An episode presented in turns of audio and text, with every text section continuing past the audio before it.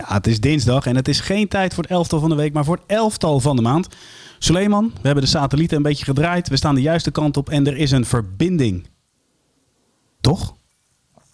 Ik hoop het. Uh, als ik goed te verstaan ben, dan is er verbinding. Als ik niet goed te verstaan ben, dan is er geen verbinding. Dus, uh, er is verbinding, uitstekend. Ik zit tegen een laptop aan te kijken. Ja, de verbinding is uitstekend, oké. Ja, want uh, normaal gesproken staan we samen in de, de podcaststudio of staan we in de studio voor, van ons YouTube-kanaal.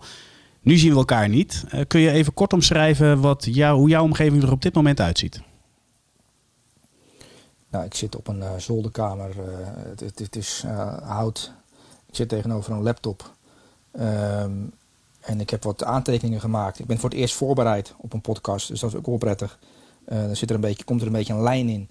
In plaats van dat we van de hak op het uh, naar allerlei spelers toe gaan en op een gegeven moment de draad kwijt zijn. Ik heb nu echt heel duidelijk uitgeschreven wat ik wil vertellen. Dus, dus eigenlijk hoef jij niets te doen. Okay. Um, en ja, er is hier ook op de hoek een verbouwing bezig. Dus het zou, zou kunnen dat je op een gegeven moment het geluid van een helikopter hoort, maar het is geen helikopter. Oké, nou ja, duidelijk, uh, Soelie. Ik, ik zal mijn rol uh, minimaal houden zoals altijd. Uh, ik heb wel een verrassing.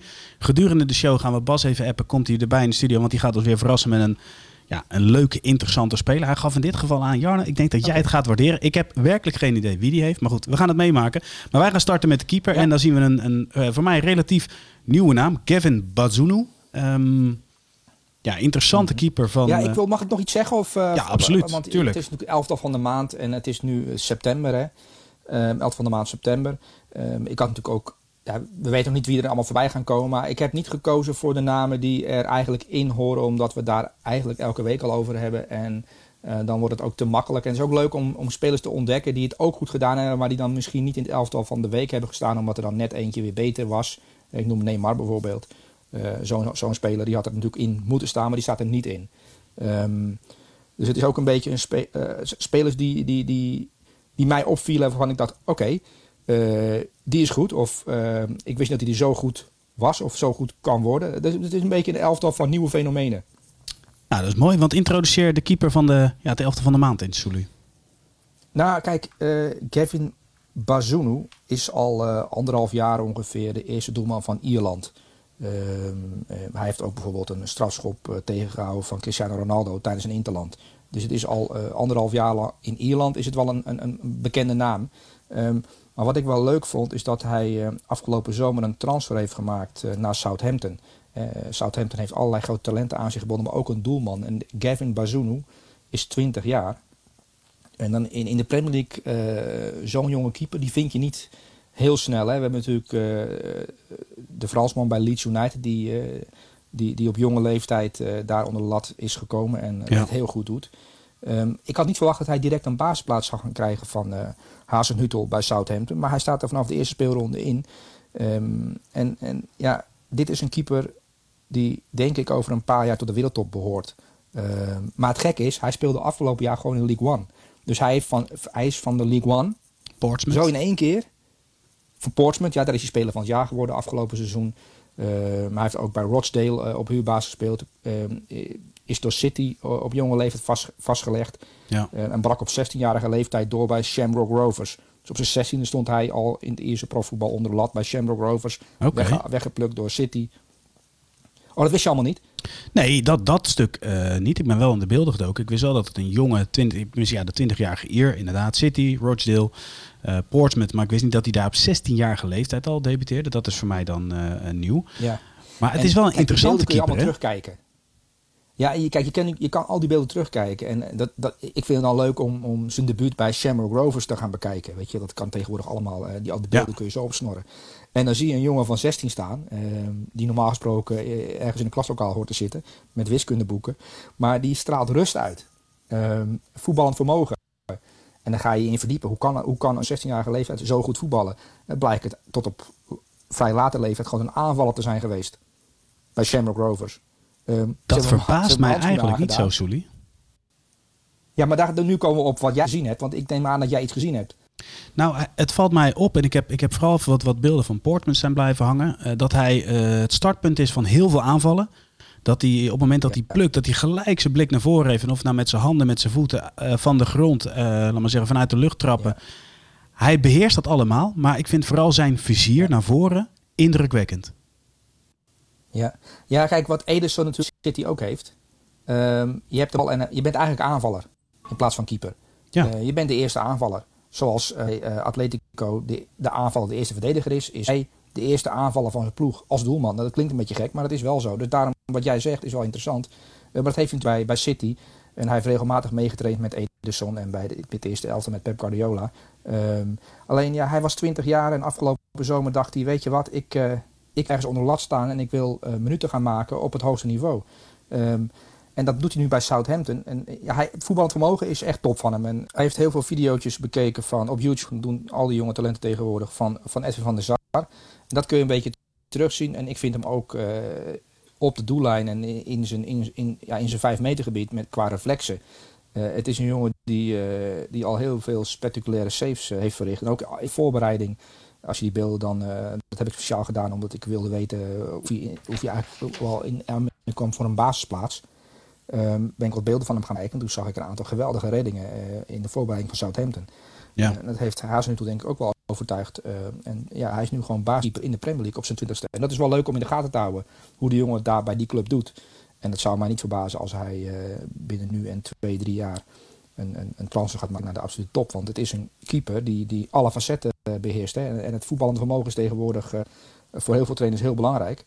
Um, en ja, hij voldoet uh, aan heel veel vinkjes, laat ik het zo zeggen. Ja, absoluut. Ja. Hele interessante speler. Ook een speler die we echt in de, in de gaten moeten houden. Uh, wat voor cijfer krijgt hij voor zijn uh, ja, optredens in de maand september?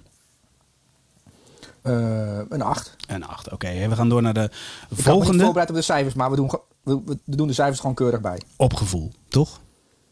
Ja, gevoel een precies, beetje. Precies, Ja. Hey, de volgende, de verdediger William Saliba, hebben we natuurlijk vaker besproken.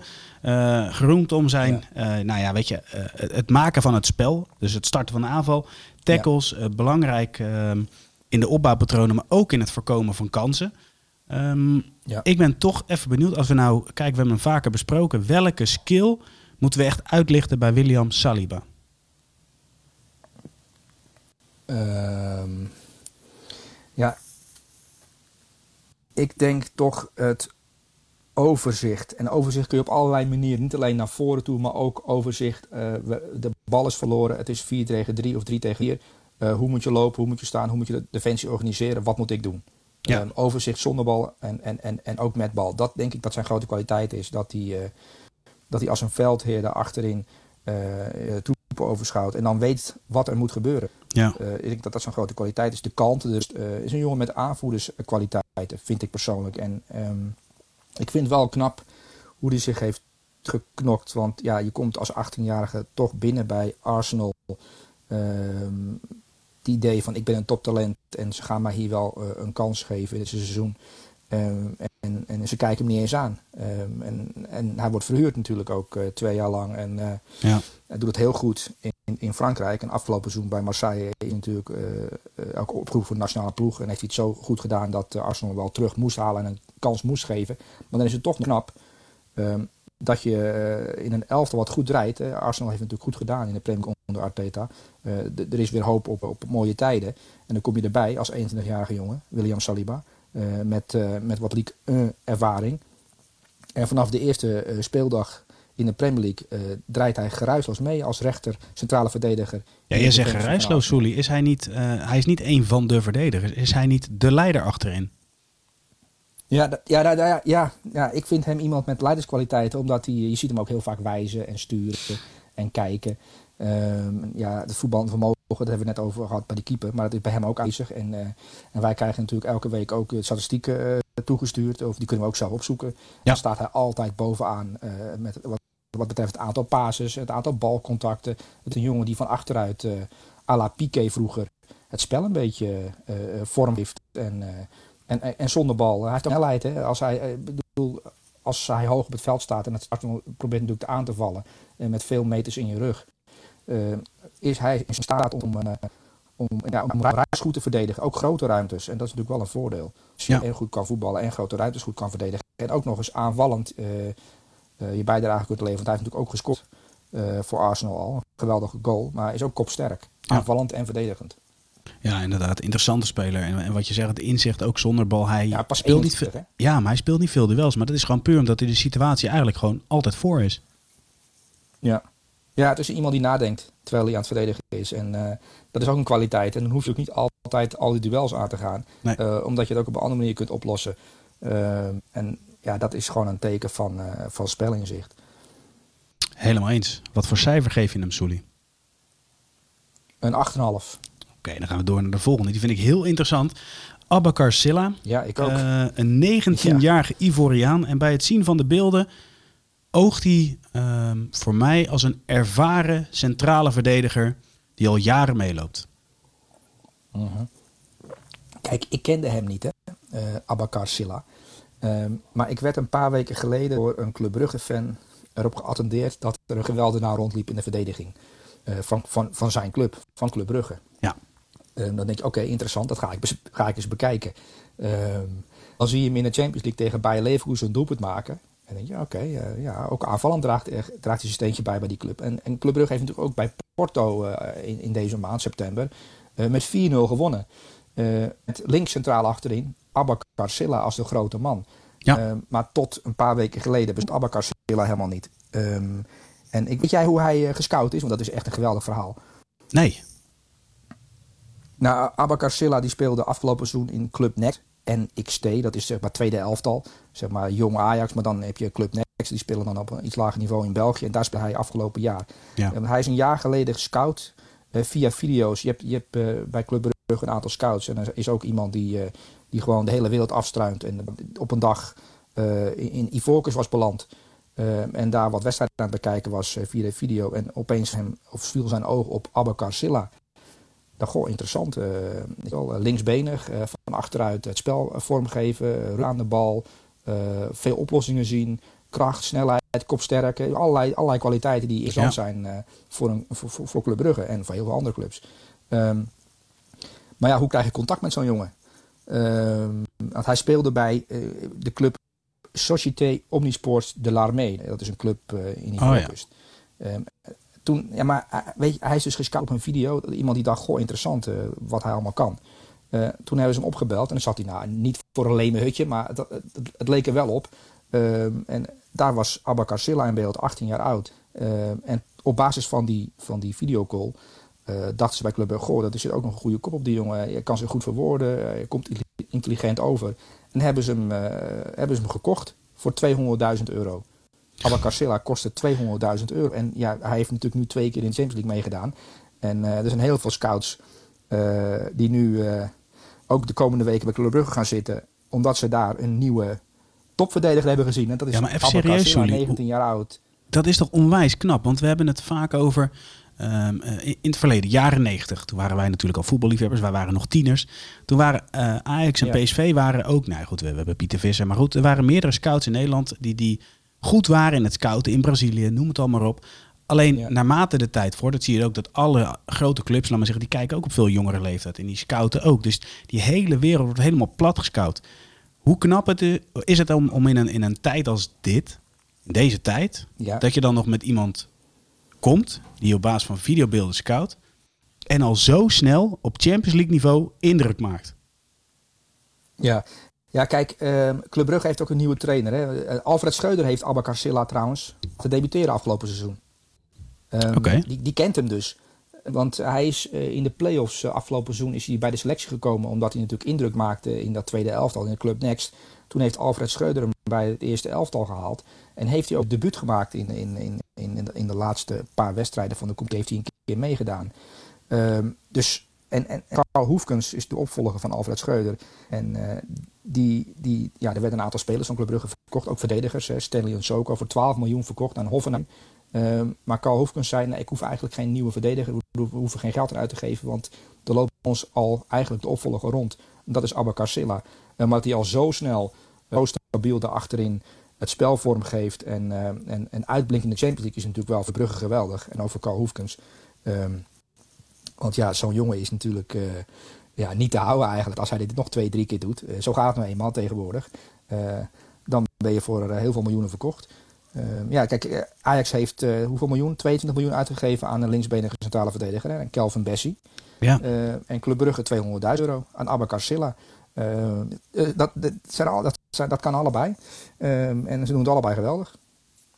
Ja, maar ik blijf zeggen dat, dat, dat zo'n speler van dat niveau zo lang onder de radar blijft. Ik, ik vind het gewoon bijzonder dat dat nog gebeurt in een tijd als deze. Um, ja. Ja, en als je dan, uh, laten we, de, ja goed, laten we eerst eens een cijfer geven voor deze. Ja, maar jij hebt het bekeken, hè? Uh, denk, jij, denk jij dat hij, uh, kijk, hij, hij doet natuurlijk geweldig veel ervaring nu op in, in, in de Champions League bij Club Brugge, in de competitie, in zijn, eigenlijk zijn eerste jaar als prof. Ja. denk jij dit, dit, dit, dit een topverdediger kan worden en, en echt een stabiel rustpunt in een, in, een, in, een, in defensie van een topclub? Ja, daar ben ik sterker nog, ik ben er eigenlijk wel van overtuigd. Want ik vond hem heel kalm aan de bal, ook onder druk.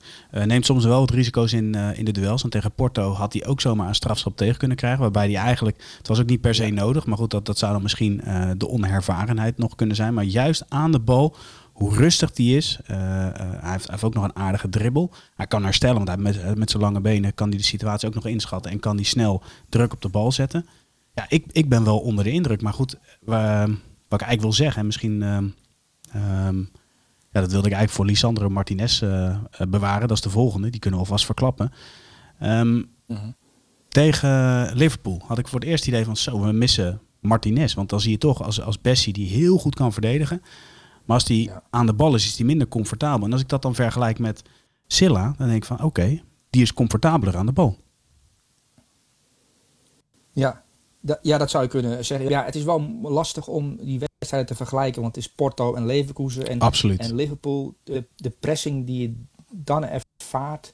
Uh, en Kelvin Bessie is ook nieuw bij Ajax. Het is wel lastig vergelijken, uh, eerlijk gezegd. Uh, maar in de basis, als je ze allebei gaat bekijken, bekijken dan is Kelvin Bessie meer een duelmonster. En Abakar Silla die is komt sneller, atletischer. Ehm, Helemaal mee eens. En, en, ook voetbal, en voetballen misschien ook wel beter. Maar goed, uh, ja, dat, dat, daar heb je misschien wel gelijk in. Ja, maar het is een interessante, speler. speler. En, ja. ja. Wat voor cijfer geef je aan... die uh, heeft gemaakt in september. Absoluut. En dan uh, levert dat een? Een 9. 9, mooi hoor. Hey, dan gaan we door naar Lisandro Martinez. Wat ik eigenlijk net al zei, uh, de wedstrijd Liverpool-Ajax, die zal je ook uh, met uh, verregaande interesse gevolgd hebben. Um, de momenten dat Liverpool volle bak druk zet. Um, waar in het verleden Dele Blind natuurlijk heel goed is, is geweest met de passing tussen de linies, kwam Bessie regelmatig in de problemen. Dat was wel het moment dat ik dacht van, oh ja, ze missen Martinez echt wel bij Ajax. Uh, ja, ja, maar het verbaast je had eh, Lisandro Martinez, die natuurlijk uh, verder is in zijn, in zijn loopbaan. En je, je hebt het over Lisandro Martinez in de laatste fase bij Ajax. Um, Die is ook uh, ja, middenvelder geweest, linksback geweest, zelfs reserve geweest in zijn eerste maand. Dus het is eigenlijk uh, een oneerlijke vergelijking. Maar je hebt wel gelijk dat Lisandro Martinez tegen Liverpool eigenlijk minder vaak een bal over, de doel, over de zijlijn had geschoten. Of bij een tegenstander in zijn voet had geschoten. Um, dat zou kunnen dat hij meer oplossingen uh, uh, ziet op dit moment dan, dan, dan Kelvin Bessie. Iets wat dat hij nog moet leren. Ehm, ja, en, en in de Champions League is die tijd er niet om te leren. En, en verlies je zo'n wedstrijd dan omdat je van achteruit de oplossingen niet paraat hebt. Als er enorm veel druk op, die, op die laatste linie wordt gelegd door, ja, door de aanval van Liverpool in de middenveld. Ja. En dan is het lastig voetbal. En dan zie je ook dat je ineens, dat wel of je er helemaal niets van bakt. Hè. Dan heb je Remco Pasveer die die, eh, ja, waarvan alle doeltrappen, zoals Pieter Zwart heeft geanalyseerd, waar alle doeltrappen balverlies oplevert. Ja, dat komt natuurlijk ook omdat de tegenstander uh, uh, daar heel goed in is. Ja, precies. Want we hebben het in dit geval dan even specifiek over Martinez. Uh, inderdaad, de vergelijking is niet eerlijk, want we praten over de Martinez in de eindfase van Ajax en Bessie in de beginfase bij Ajax. Dus dat is, dat is inderdaad niet eerlijk. Maar goed, nu gaan we naar Martinez in de beginfase bij United. Ja, des te knapper is het denk ik dat hij in korte tijd, we hebben het net over de leider van Arsenal uh, gehad, misschien wel de leider is achterin bij United. Ja, ja ik, ik kijk, er zijn, dat zijn van die transfers, uh, 57 plus 10, hè, dus hij kan, hij kan 67 miljoen uh, kosten. Dat is een enorm bedrag voor een jongen die uit de Eredivisie komt, die natuurlijk geweldig heeft gedaan in de Champions League. Komt dan bij Manchester United terecht, uh, onder een trainer die hem goed kent. Dat is natuurlijk al, dan ben je verdacht. Um, dan wordt hij in de rust gewisseld van zijn eerste echte wedstrijd. Ja, te klein. Brentford, weet je, die, dat, dat, daar ging alles, ging alles verkeerd. Inderdaad, te klein. Uh, en klonk zich dan terug, uh, speelt hele goede wedstrijden tegen Southampton, uh, Leicester en, en natuurlijk tegen Liverpool. Um, wordt dan een aantal keer man of the match, tot man of the match verkozen. Um, maar wat je bij, bij United nu ziet, is dat hij inderdaad die stap van Ajax naar United naar de Premier League makkelijk heeft en daar zich nu al heeft opgeworpen tot de leider in de defensie en dat eigenlijk ook al geaccepteerd is de rest. Ja. Rafael Varaan accepteert dat Lisandro Martinez de leider is van die defensie. Um, hij stuurt de middenvelders hij, en hij zorgt ervoor dat er achterin stabiliteit is. En dat is knap. En voor hem ook geweldig nieuws, want um, er komt natuurlijk een WK aan. Um, en en ja, in de Premier League is hij een nieuwe naam. Niemand kende Lisandro Martinez, uh, nee. Paul Trafford, weet je wel. Ze, ja, ze, ze, hebben natuurlijk wel eens een paar flitsen van ijs gezien en, en je leest wel eens de uitslagen. En, maar Lisandro Martinez hebben ze nooit zien voetballen. voor hen is hij, is hij een nieuwe speler. Um, die komt dan binnen en zijn ze toch onder de indruk, die, die, die supporters, maar ook de Engelse voetbalkijker. Denk, goh, um, een verdediger van 1,75 meter of 1,77 meter, hangt het je vanaf uh, aan wie het vraagt, hoe lang hij is. Ja, met of zonder voetbalschoenen, noppen, maakt ook uit, hè? Ja, ja op zijn staand. Ja. Um, maar hij is natuurlijk hij is aan de kleine kant. En er zijn weinig verdedigers, centrale verdedigers in Engeland die, uh, die onder de 1,80 zijn. maar hem maakt het niet zoveel uit, want hij wint die kopduels nou, niet makkelijk, maar hij wint ze. Ehm, waar ik naartoe wil werken is de WK-selectie van Argentinië in november. Ja, er komt een eindronde aan. En zijn grote droom is om basisspeler te zijn in de nationale ploeg. Um, hij op dit moment uh, ja, de eerste reserve achter Romero en Otamendi. Uh, Romero van Tottenham en Otamendi natuurlijk, die, uh, die al jarenlang daar achterin staat. Um, en de bondscoach heeft over hem gezegd dat hij een interessant profiel heeft, omdat hij zo goed eh, eh, van achteruit het spel kan maken. En het is natuurlijk wel interessant dat de Argentijnen hebben eigenlijk altijd een ploeg gehad waarbij iedereen zei van ja leuk Messi en die, die andere aanvallers, maar achterin is het te mager en van achteruit gebeurt eigenlijk te weinig. Er is wat vermogen en ze kunnen eigenlijk ook niet verdedigen. maar nu heb je met Lisandro Martinez een speler die in de Premier League laat zien dat hij A, heel goed het spel van achteruit kan opbouwen en geweldig de spelers in stelling kan brengen die Messi in stelling moeten brengen. Dus um, ik denk dat voor Argentinië geweldig nieuws is dat Lisandro Martinez nu bij United speelt. Um, alleen ja, uh, als bondscoach wel Otamendi gaan passeren of Romero, die natuurlijk in de duels beter is. Misschien. Of, of eh, alhoewel, dat, dat is ook een vraagteken. Ja, nou wordt een interessante uh, periode. En ook kijken inderdaad waar het toe gaat leiden. Hij maakt in ieder geval indruk uh, in Engeland en ook op jou. Uh, maar de vraag is, aan de hand van jouw cijfer, hoeveel indruk maakt hij op jou? Ehm, ja, ik geef hem een 9. Ja, ik had niet verwacht dat hij zo snel uh, eigenlijk de status zou zien dat je dacht, nou, met Lisandro Martinez achterin, dat is wel goed. Daar hoef je geen zorgen over te maken. Uh, hetzelfde geldt trouwens voor Malaysia. Die heeft zich ook wel knap in de basis gespeeld. En heeft al een aantal goede duels gespeeld. Maar ik vind het wel knap eh, als, je, als er voor jou zo'n groot bedrag wordt betaald. Um, je komt natuurlijk met een trainer mee. En wat ik al zei in het begin, dan ben je verdacht tussen haakjes. Ja, dan, dan, hij heeft maar wedstrijden nodig gehad om, om ja, om dat verdacht dat weg te werken. Want het is, hij is helemaal niet verdacht. Het is gewoon een geweldige verdediger die, die de komende jaren daar die achterhoede gaat leiden waarschijnlijk. Helemaal mee eens. Een 9. Hey, we gaan naar de middenvelders. Altijd mijn favoriete linie, zoals jij weet, Souli. Jamal Musiala. Geweldige speler van Bayern München.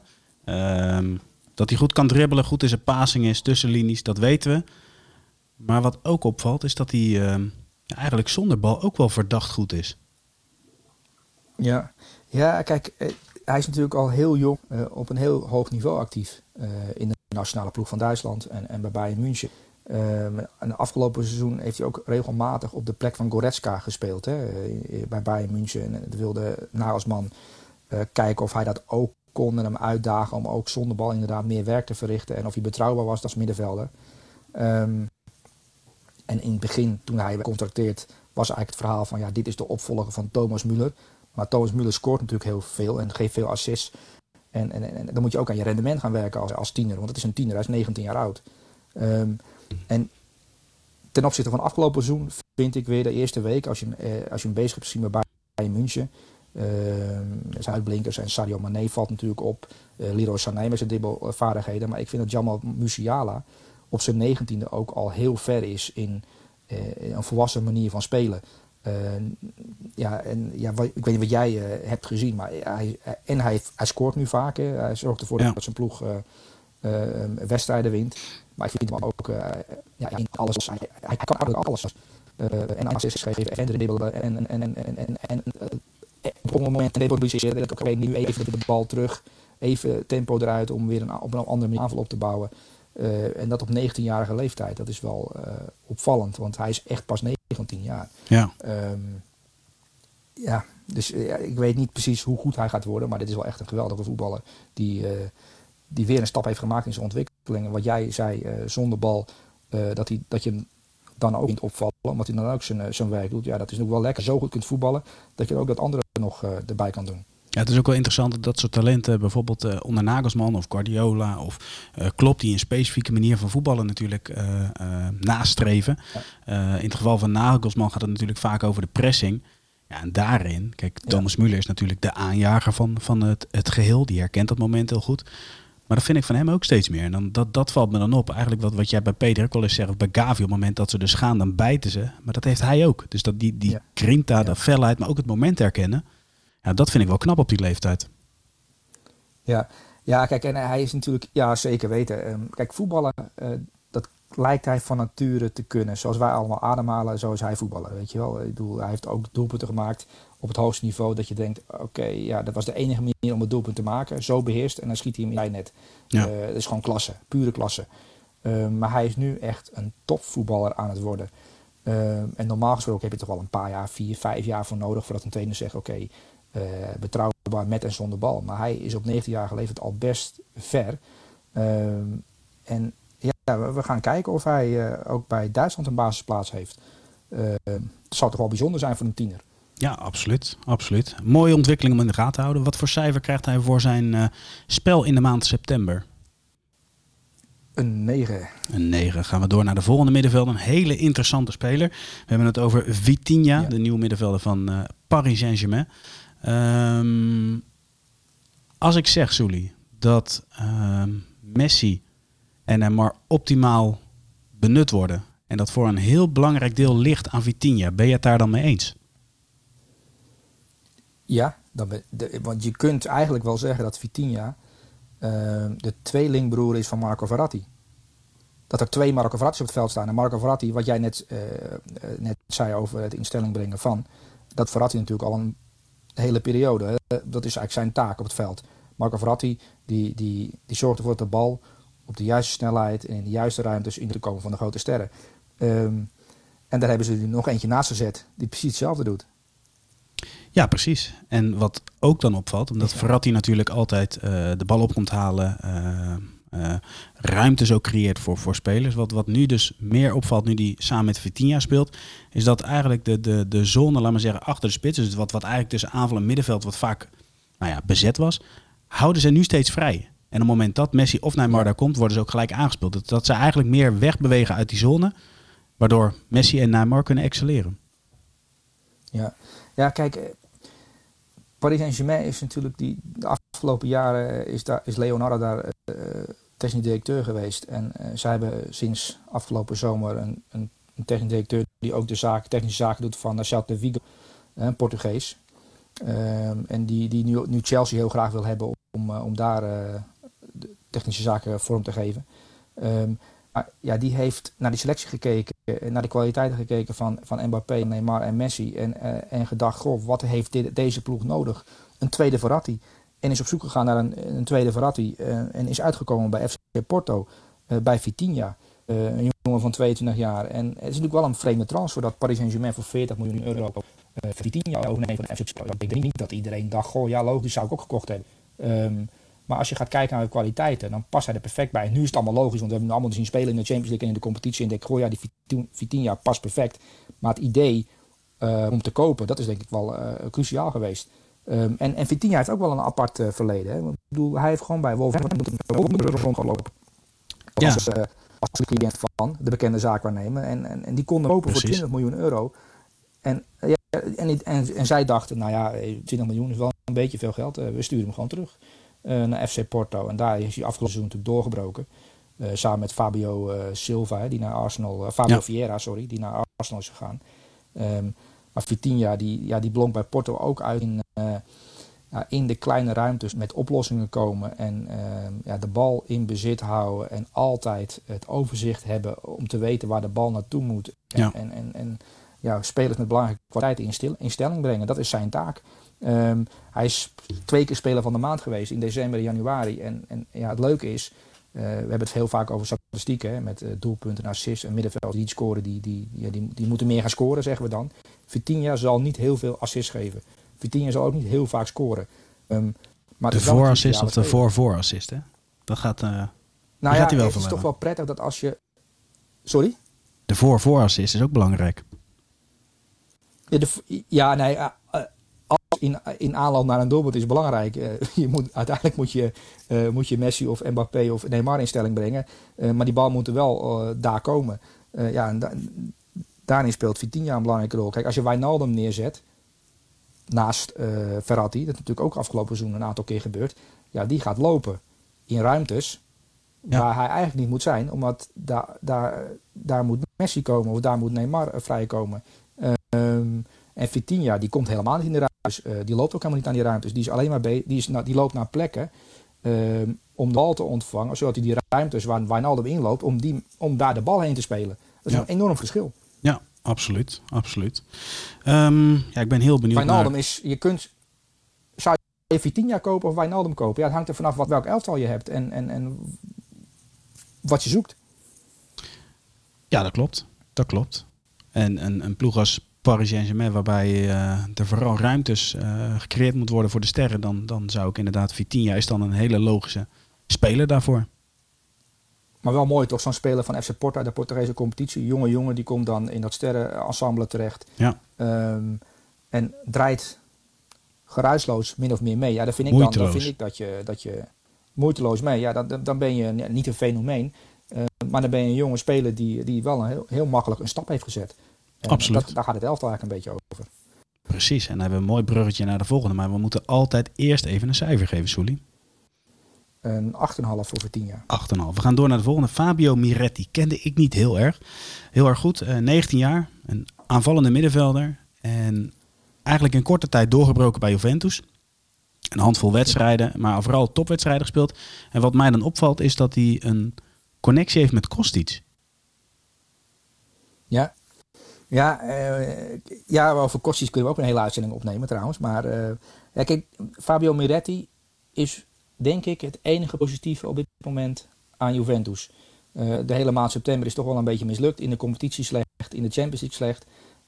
en afgelopen seizoen liet Allegri hem al debuteren. En ja, dan, dan, ben je alert, weet je wel, een jonge jongen bij Juve.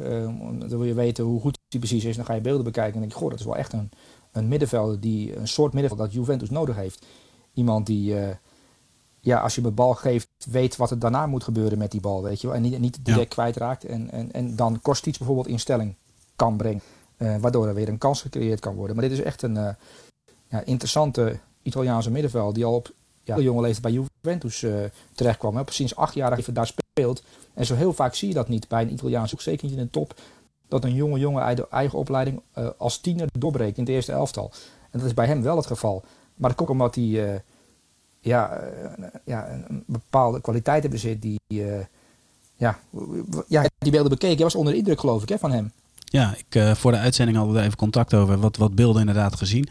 Um, ik ben sowieso ja, enorm fan van middenvelders die echt steeds tussen de linies bewegen en dan de oplossing vooruit zoeken. En dat is wat hij ook doet. Onder druk, niet onder druk als het enigszins kan, is altijd vooruit. En uh, dan vind ik wel mooi dat een, een jochie van 19 jaar, ja. Uh, ja. die dan op het middenveld van Juventus loopt, overigens een linie waarvan jij jaren hebt gezegd, ja, daar spelen ze niet meer mee in je, bij Juventus. Ze spelen zonder middenveld.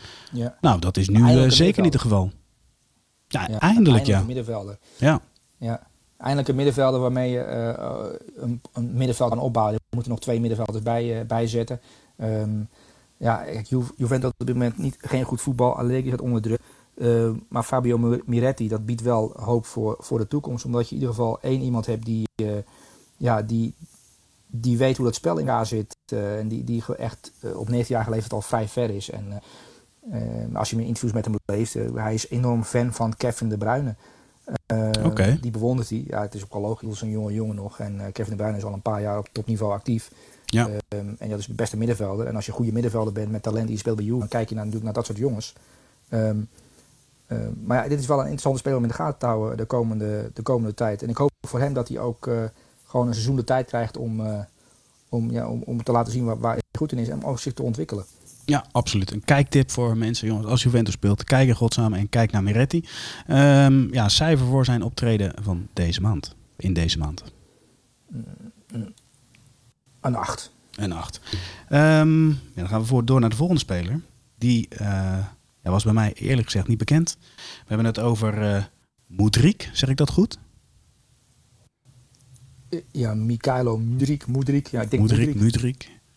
Speler uh, met een actie, met diepgang, uh, overzicht. Hij is snel, hij is links en rechts. Um, ja. ja, mooie, ja, weet je, uh, laat ik zo zeggen, de nummer 10 die aan de zijkant speelt. Ja, ja kijk, um, Arsenal wilde hem kopen op de, eind, eind augustus. Was, Kakpo was in beeld bij Arsenal. We hebben natuurlijk in Nederland vaak het nieuws dat Cody Kakpo in beeld was bij, uh, bij onder meer Arsenal. Uh, maar Arsenal had ook uh, zinnen gezet op deze Mikhailo Mudrik als uh, linker aanvaller.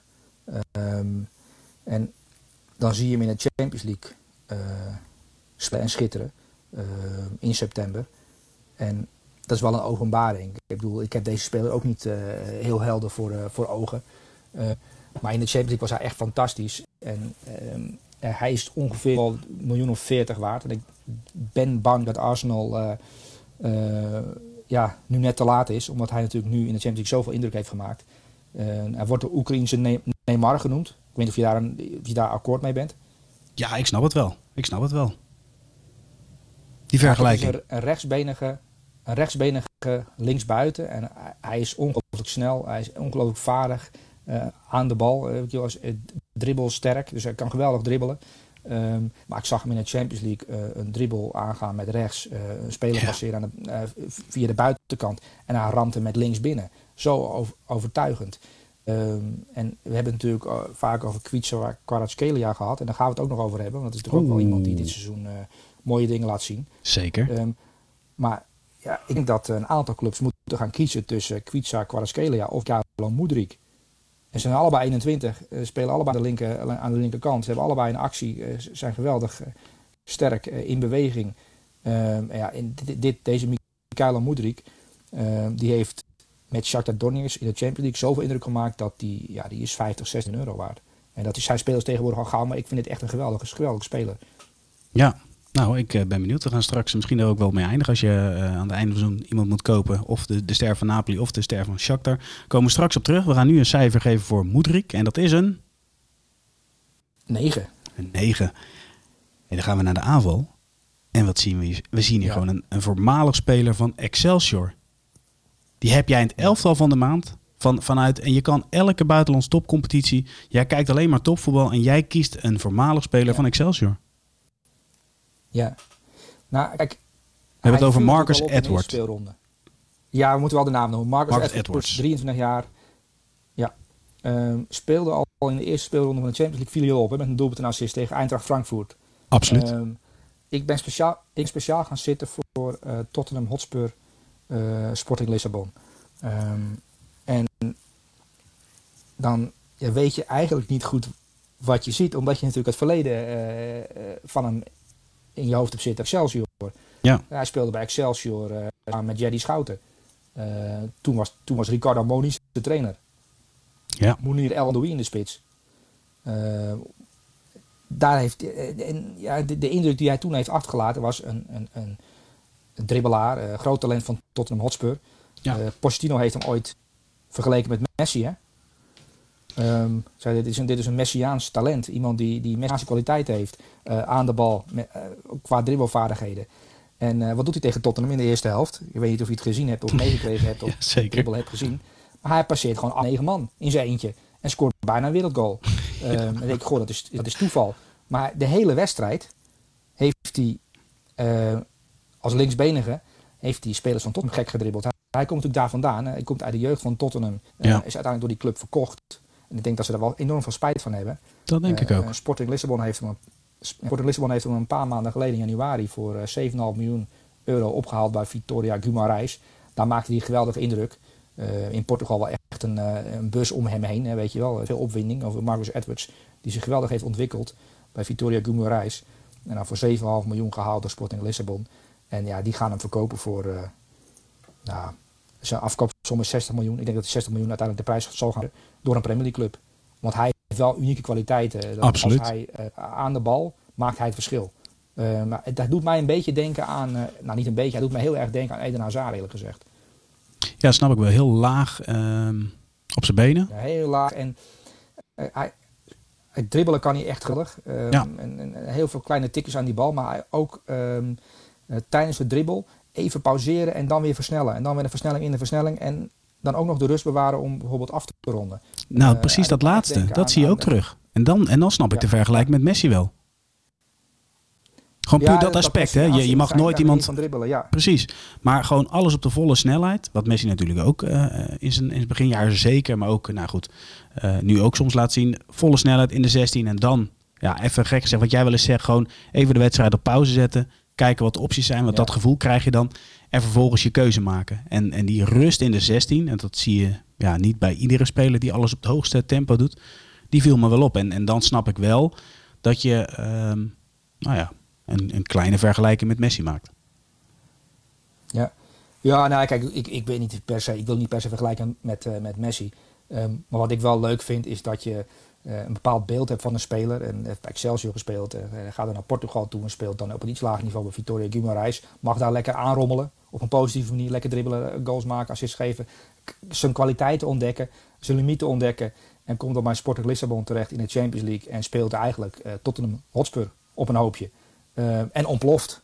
Ja. Hè, tussen haakjes ontploft hij. Zijn transfersom ontploft. Maar ook zijn, het is nu, in, nu een speler die, eh, die in januari eh, waaraan getrokken zal worden.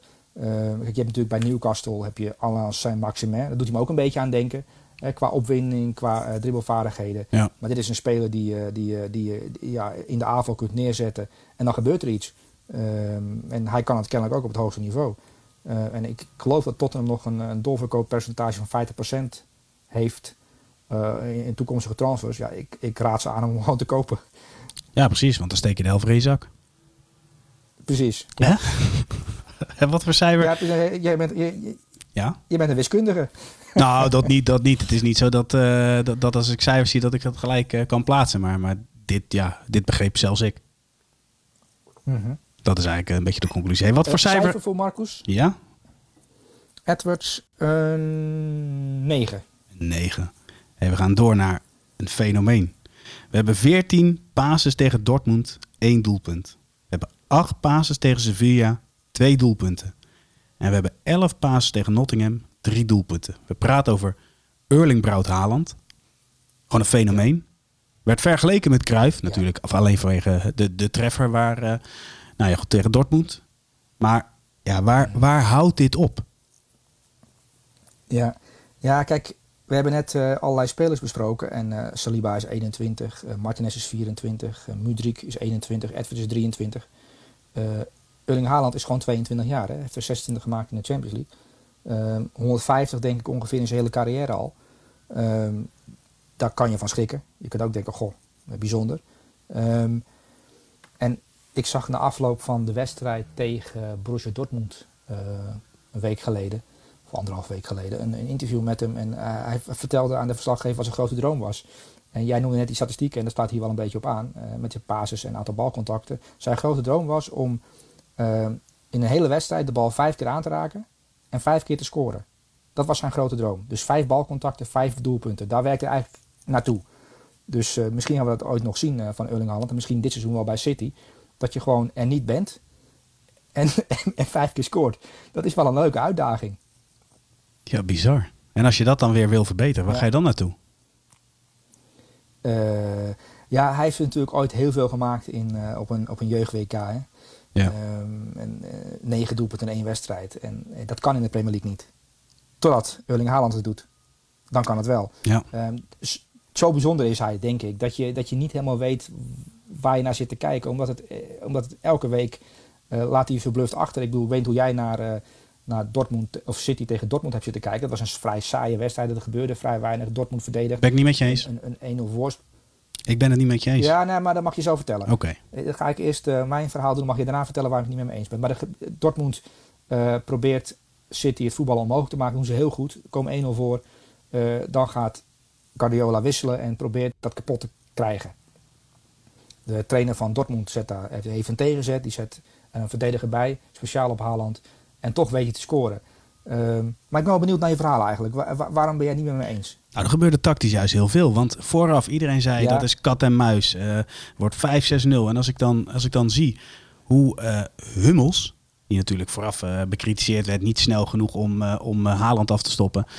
Als je dan ziet hoe hij het spel heeft gelezen en hoe Dortmund het spel heeft gelezen en, en ook bij tijd terwijl er goed uitkomt, dan vind ik gewoon dat Dortmund de eerste helft, de eerste uur gewoon een, een goede prestatie heeft geleverd. En ik vond het juist interessant dat ze, uh, ze hadden een antwoord op de lopende, op de lopende spelers. Hebben heel veel clubs hebben dat niet. Dus dat doet die Terzic gewoon heel goed. Ja. Uh, Hummel speelt daar een cruciale rol, rol, in. En ik vind nog steeds Marco Royce. Ik vind wel mooi dat een speler op die leeftijd nog zo het spel kan lezen. En ook bij tijden waar het spel naar zich toe kan trekken. Ja, ja ik, jij ziet mij niet, maar ik moet zeggen, ik, uh, ik geef je helemaal gelijk oh, ik denk je ligt gevouwen onder de tafel. Je pist in je broek van het lachen. Nee, nee, nee, nee. nee. Ik wilde het eigenlijk duiden vanuit de, de algemene uh, RTL 7 uh, kijker. Die kijkt naar zo'n wedstrijd. Dat was natuurlijk, uh, Bert Tan zat in de studio samen met analisten. Ja. Um, en jij kijkt er natuurlijk misschien op een andere manier naar, omdat jij dat ook, dat tactische aspect, aspect interessant uh, vindt. Ik zag het ook wel. Dat, dat, dat, dat het, het is tactisch interessant, maar je wil eigenlijk wil je Erling Haaland vijf keer zien scoren. Daarom, daarom heeft John de Mol, of wie, wie er ook de baas is, voor die wedstrijd gekozen.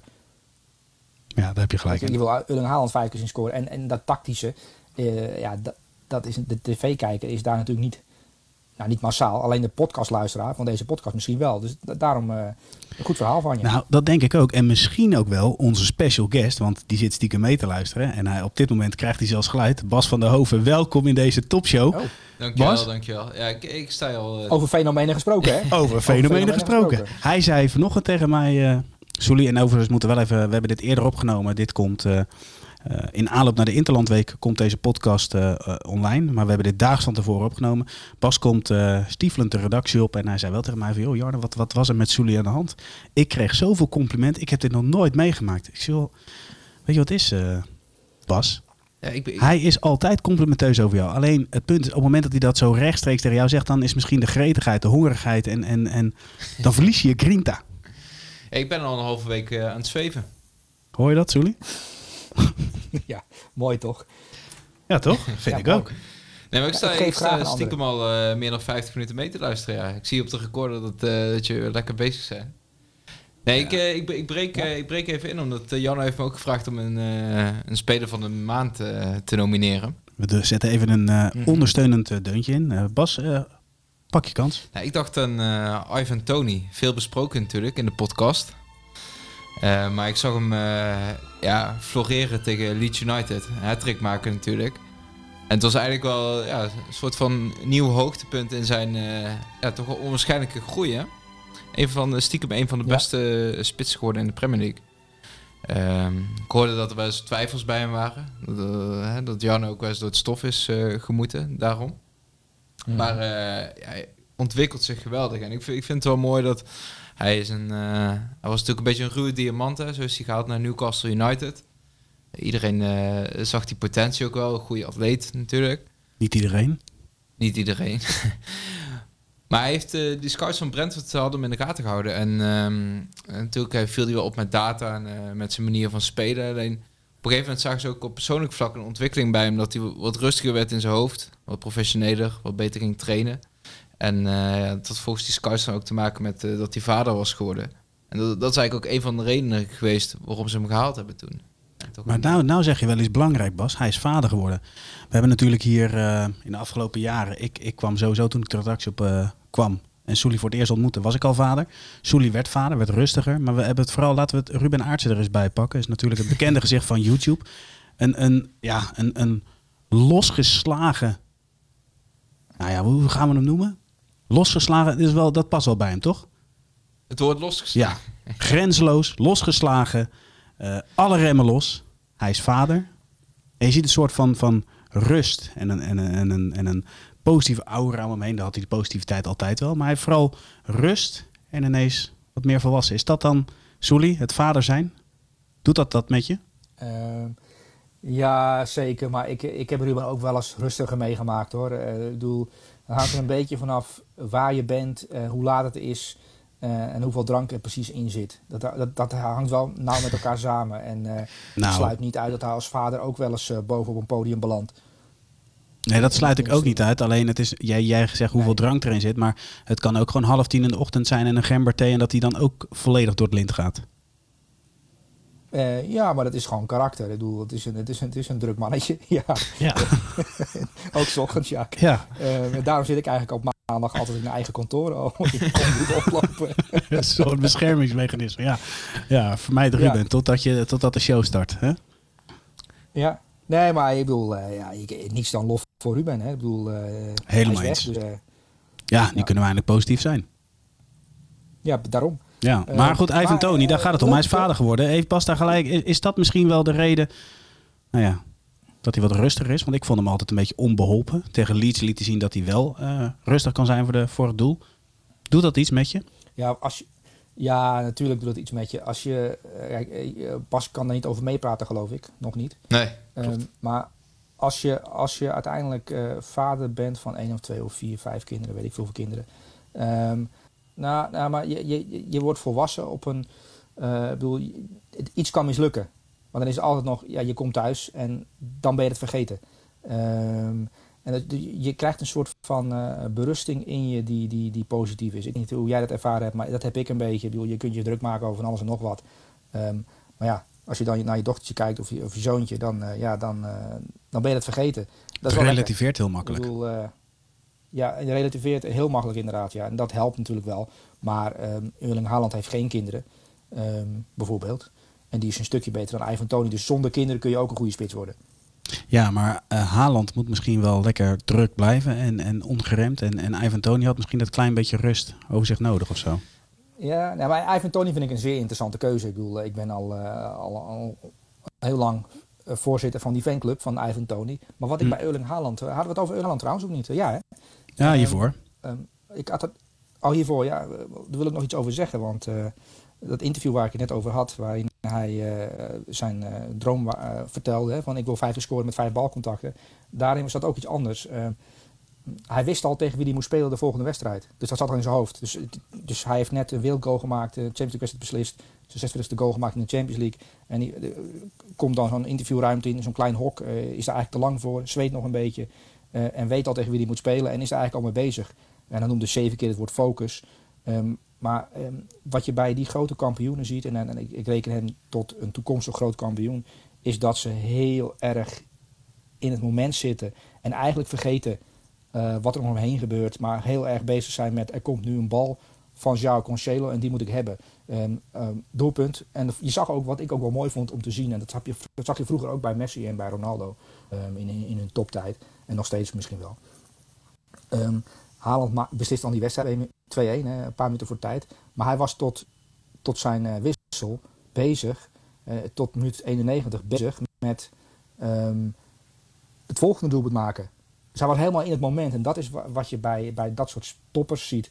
Dat ze uh, echt heel erg in het moment zitten. Ongelooflijk geconcentreerd zijn. Superconcentratie hebben. Dat, dat is wat Haaland ook wel echt onderscheidt. die enorme focus. Um, en dat moet je... ja, dat is een kwestie van uh, ja, training ook wel. Hè? Want hij is daar wel echt mee bezig geweest om dat uh, bij zichzelf op te roepen. Om alles te blokken wat niet belangrijk is. En dat zie je wel heel erg terug. Mooi dat je dat bij, uh, bij een paar Premier League spitsen nu ziet. Hè? Met Mitrovic bijvoorbeeld. lange tijd een enfant ja. terrible. die ook een stuk volwassener is geworden. Rustiger in zijn spel. Maar wel rustiger in de zin van dat hij zich ook beter lijkt te concentreren op de kansen die, die komen gaan. Want dat is natuurlijk altijd wel een sterke kopper en sterk in de duels. Alleen, en nu heeft hij voor, voor het doel ook een bepaalde focus gevonden. Hè? Hetzelfde wel uh, geldt voor Tony uh, natuurlijk. Waar, ik wel benieuwd naar ben trouwens, uh. United zocht natuurlijk naar nieuwe spitsen in de voorbije transferperiode. Um, stel dat een van die grote zes clubs nu weer een nieuwe spits gaat zoeken. Hè? Als je dan in de Premier League gaat kijken, dan kom je toch wel ja, best wel snel uit bij Tony, denk ik. Of Watkins, bijvoorbeeld. Mm -hmm. Zie je een van die twee goed genoeg zijn voor die stap omhoog? Nee, ik, uh, Ollie Watkins sowieso niet. Dat vind ik te beperkt um, als spits voor een topclub. En Ivan Tony is in, in, bepaalde aspecten goed genoeg, maar het is geen Erling Haaland. En, en ja, ik weet niet wat jij onder topclub verstaat, maar je moet, je moet een spits hebben die, die, die, die echt bijzonder is. Eh, en die er gewoon 40 gaat maken. Want dat, dan maak je het verschil. En Ivan Tony zie ik er geen 40 maken in de Premier League. Mm. Eh, het is wel een spits met een aantal kwaliteiten. En ik bedoel, hij is door de lucht sterk. Hij is als aanspeelpunt sterk. En hij begint tegenwoordig ook eh, mooie goals te maken op, techniek.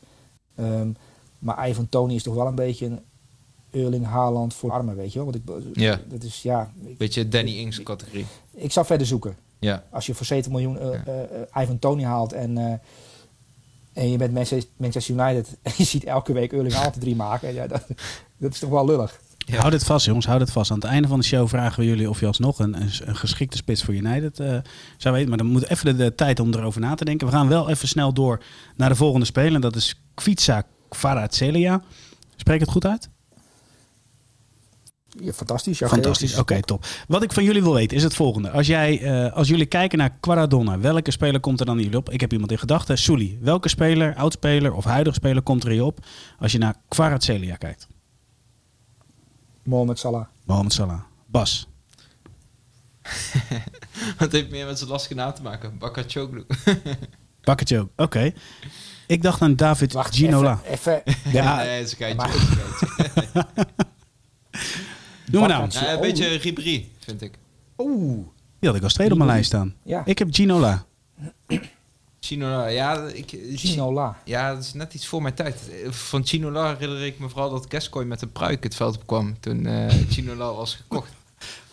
Ja, ja, dat klopt. En dat was een hele mooie, sierlijke, Franse aanvallende, aanvallend ingestelde speler. Binnendoor, buitenom, pasen, goed trappen. Daar moet ik toch aan denken als, ik, eh, als we naar Kvaratskhelia kijken. Hij gaat binnendoor, buitenom. eh, mooie paas op een lopende Osimhen. Maar ook het zoeken van de verre hoek. Blijft een interessante speler. En leuk dat hij weer in jouw elftal staat, Soelie. Nou ja, kijk, het is een elftal met, eh, met jongens die dit seizoen een stap hebben gemaakt in, in kwaliteit naar een nieuw niveau toe. En ja, als je, als je uit Rusland komt en via Dynamo Batumi, waar je tijdelijk hebt gezeten, naar Napoli gaat en daar in je eerste 6, 7, 8 weken in de Serie A eh, je opwerpt tot fenomeen, want het is een fenomeen. Ehm, en je hebt bij Napoli natuurlijk een aantal goede spelers. Eh, Lobotka, een geweldige middenveld die daar het echt geweldig doet. Eh, je hebt natuurlijk die spits, Osimhen. Ehm, maar Kvaratskhelia is een speler die echt bijzondere dingen laat zien. Eigenlijk vanuit het niets. Ja. Ik bedoel, heel veel mensen hadden nog nooit van hem gehoord. Ehm, in Italië had ook nog nooit iemand van hem gehoord. De Napoli-fans hadden nog nooit van hem gehoord. Die komt dan voor 10 miljoen euro binnen. En vanaf zijn eerste wedstrijd eh, danst en dribbelt hij lekker vanaf die linkerflank iedereen gek. Ehm, tegen Liverpool was hij ook geweldig. Eh, Trent Alexander-Arnold eh zoek gespeeld.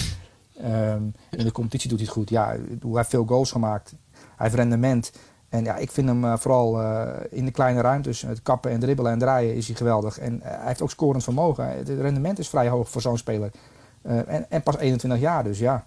Ehm, wat ik wel eh, opvallend vond, eh, ik eh, las een interview met de bondscoach van Georgië. Dat is een Fransman. Ehm dat is Willy Sagnol. En, die heeft hem eigenlijk een jaar lang... sorry? Oudspeler van Bayern, onder meer. Klopt, ja. Die, die is nu bondscoach van Georgië. En die heeft een interview gegeven van de week. Of twee weken geleden. En waarin hij vertelde dat hij een jaar lang die Kvaratskhelia he- heeft eh, aangeboden aan Premier, of, eh, League 1 clubs. Zeg, ja, ik heb nu een speler onder mijn hoede hier bij eh, de nationale elftal. eh Kvaratskhelia. Ehm kun, je zo, kun je zo ophalen gratis bijna. Ehm, maar al die clubs zeiden van ja, ja het is een le- leuke dribbelaar, maar ja, ik bedoel, die is na 60 minuten kapot. Die komt uit de Wit-Russische competitie. Wat moeten we daar nou mee? Weet je wel, is niet geschikt voor de top. En kijk nu waar hij staat. Ze zie je maar ook eh, dat, eh, dat, dat, eh, dat al die clubs die hebben duurbetaalde scouts in dienst. Die, die, die, die, die surfen de hele wereld over eh, online op zoek naar eh, de volgende Braziliaan. En Ja. Georgië laten ze dan links eh, liggen. Ja, Ja, Bas, hoe kijk jij daarnaar? Hoe heet die eh, goede, goede Georgiër ook weer van Vitesse toen, die dribbelaar? Die eh, jonge jongen. Die, die, die, die, die had ook wel iets, hè? maar niet, niet op dit niveau. toch? Nee, klopt, klopt. Wel, wel lekker avontuurlijk gewoon in zijn spel. Wat ik wel mooi vind aan die Kwitsa Kvaratskhelia is dat hij in interviews ook niet heel erg bescheiden is. Hij vertelde laatst in een Italiaanse krant in een interview eh, dat het bij de nationale ploeg, bij thuiswedstrijden, heel normaal is dat hele vakken van supporters eh, met hem meewisselen van kant eh, naar de rust. Dus eh, dan gaan er gewoon 3000 man, die zitten dan aan de rechterkant en die gaan dan in de tweede helft naar de linkerkant om, om, maar, om, om naar hem te kijken. En hij vertelde dat alsof dat de normaalste zaak van de wereld is. Dus in Georgië is hij een superster. En, en, en ik moet eerlijk bekennen dat in mijn DM ook een Georgisch iemand, een voetballiefhebber, mij al had gewaarschuwd voor deze speler. Maar ik was net als die League 1 scout, dacht ja het zal wel, een Georgische voetballer. Wat kan, nou, wat kan dat nou zijn? Totdat je hem bij Napoli een dribbel ziet aangaan, denk je wow, ehm, hij, is, hij is speciaal, hij is bijzonder. Hij is, eh, het is Je bedoelde Kajasvili. Ja. Dat was hem. Ga door, Bas, sorry. Ja, Nee, ja, dit, is echt een avonturier, hè? Wa- Waarvoor je wel naar Saga gaat. Doe me ook Ja. een beetje denken aan... eh, ik ben twee of drie keer bij Crystal Palace geweest. En dan heb je natuurlijk een vrij... eh, het laatste seizoen zijn ze beter geworden, maar toen was het nog een vrij modaal elftal. Alleen dat publiek veerde continu op zodra de bal richting Wilfried Zaha ging. Omdat je gewoon wist van, oké, die gaat wel lekker onbevreesd zijn actie aan. En dat, eh, ja, dat zie je nu ook bij hem, eh, bij Napoli natuurlijk. Ja, klopt helemaal, ja. zit hier een gouden bal weer naar tussen, denk je? Eh, ik, eh, heb je het elftal rij? Ik krijg het Ja, nu Bas. voor me hoor. Nou ja, Gavin Bazunu.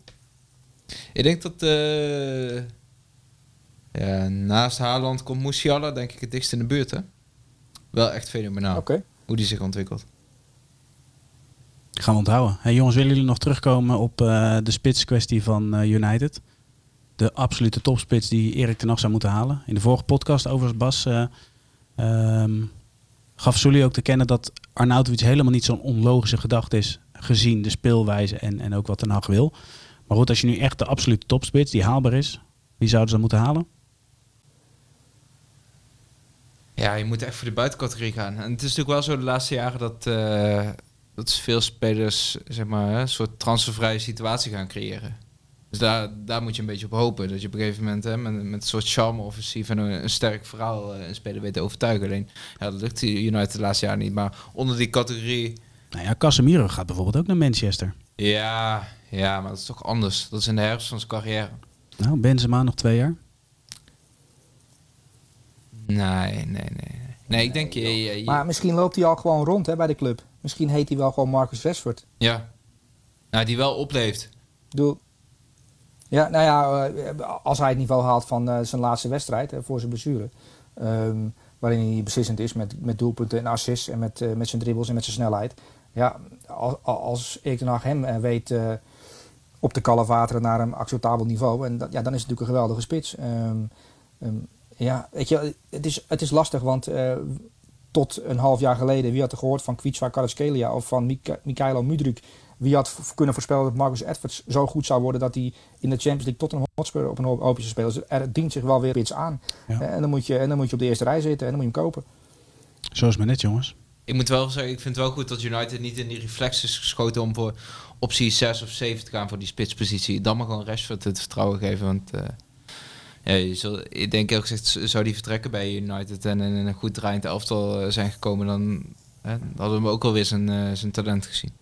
Oké, duidelijk. Hey jongens, dit was eh het elftal van de maand. Mag ik jullie allereerst danken voor jullie inbreng en jullie vooral een hele fijne vakantie wensen. Jullie gaan even voor het grote publiek. niet dat alle miljoenen luisteraars denken van gaan ze nou samen op vakantie. Nee, jullie gaan wel los van elkaar op vakantie.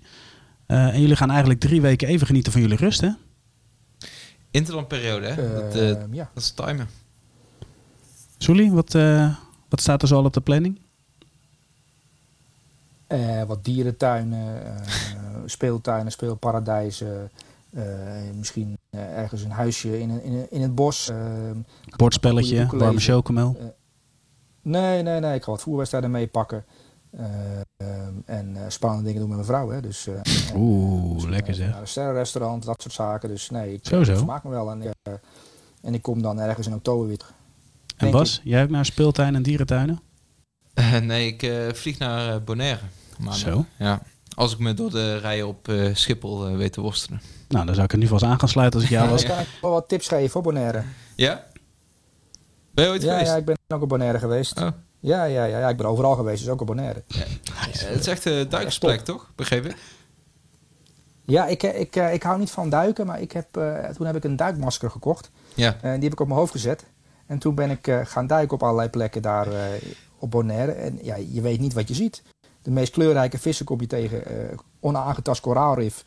Eh, nee, het is echt, daar duiken is echt geweldig. En het water is ook lekker warm. Ehm, en je hebt overal van die uh, ja, heerlijke restaurantjes waar je dan snel binnen kan werken. Uh, nee, het is echt Bonaire. Is, ik vind dat het paradijs. Ik zou het liefst Bonaire in mijn kantoor hebben en dan uh, s ochtends voetbal kijken en dan middags de zee induiken. Ja, ik moet zeggen, zo'n masker heb ik dus ook al gekocht. Ik moet, het was wel een gênant moment in de winkel toen er 20 maskers maatje M hingen. Ik kreeg een opzet en ik toch allemaal wat strak bleek te zitten en ik voor die ene overgebleven L moest gaan. Maar verder is het met de voorbereiding wel goed gegaan. Dat zou je niet zeggen dat jij zo'n groot hoofd hebt. Nee, nee, nee, nee, ik zou het ook niet zeggen. Maar ik denk dat die maskers gewoon raar gevormd zijn. Dat denk ik ook, ja. Nou jongens, ik wens jullie een ontzettend fijne vakantie. En uh, voor de miljoenen luisteraars, wij zijn er uh, volgende week dus even niet. En daarna gaan we Pieter Zwart gaan we strikken. Dus eigenlijk na de interlandperiode pakken we de eerste speelronde na die interlandperiode dus erop. Dan gaat Pieter Zwart het elftal maken en daarna komt uh, Soelie weer terug. En hebben we weer de wekelijkse bijdrage van Bas van de Over. Voor nu bedankt voor het luisteren en tot de volgende podcast van het elftal van de week. Doei!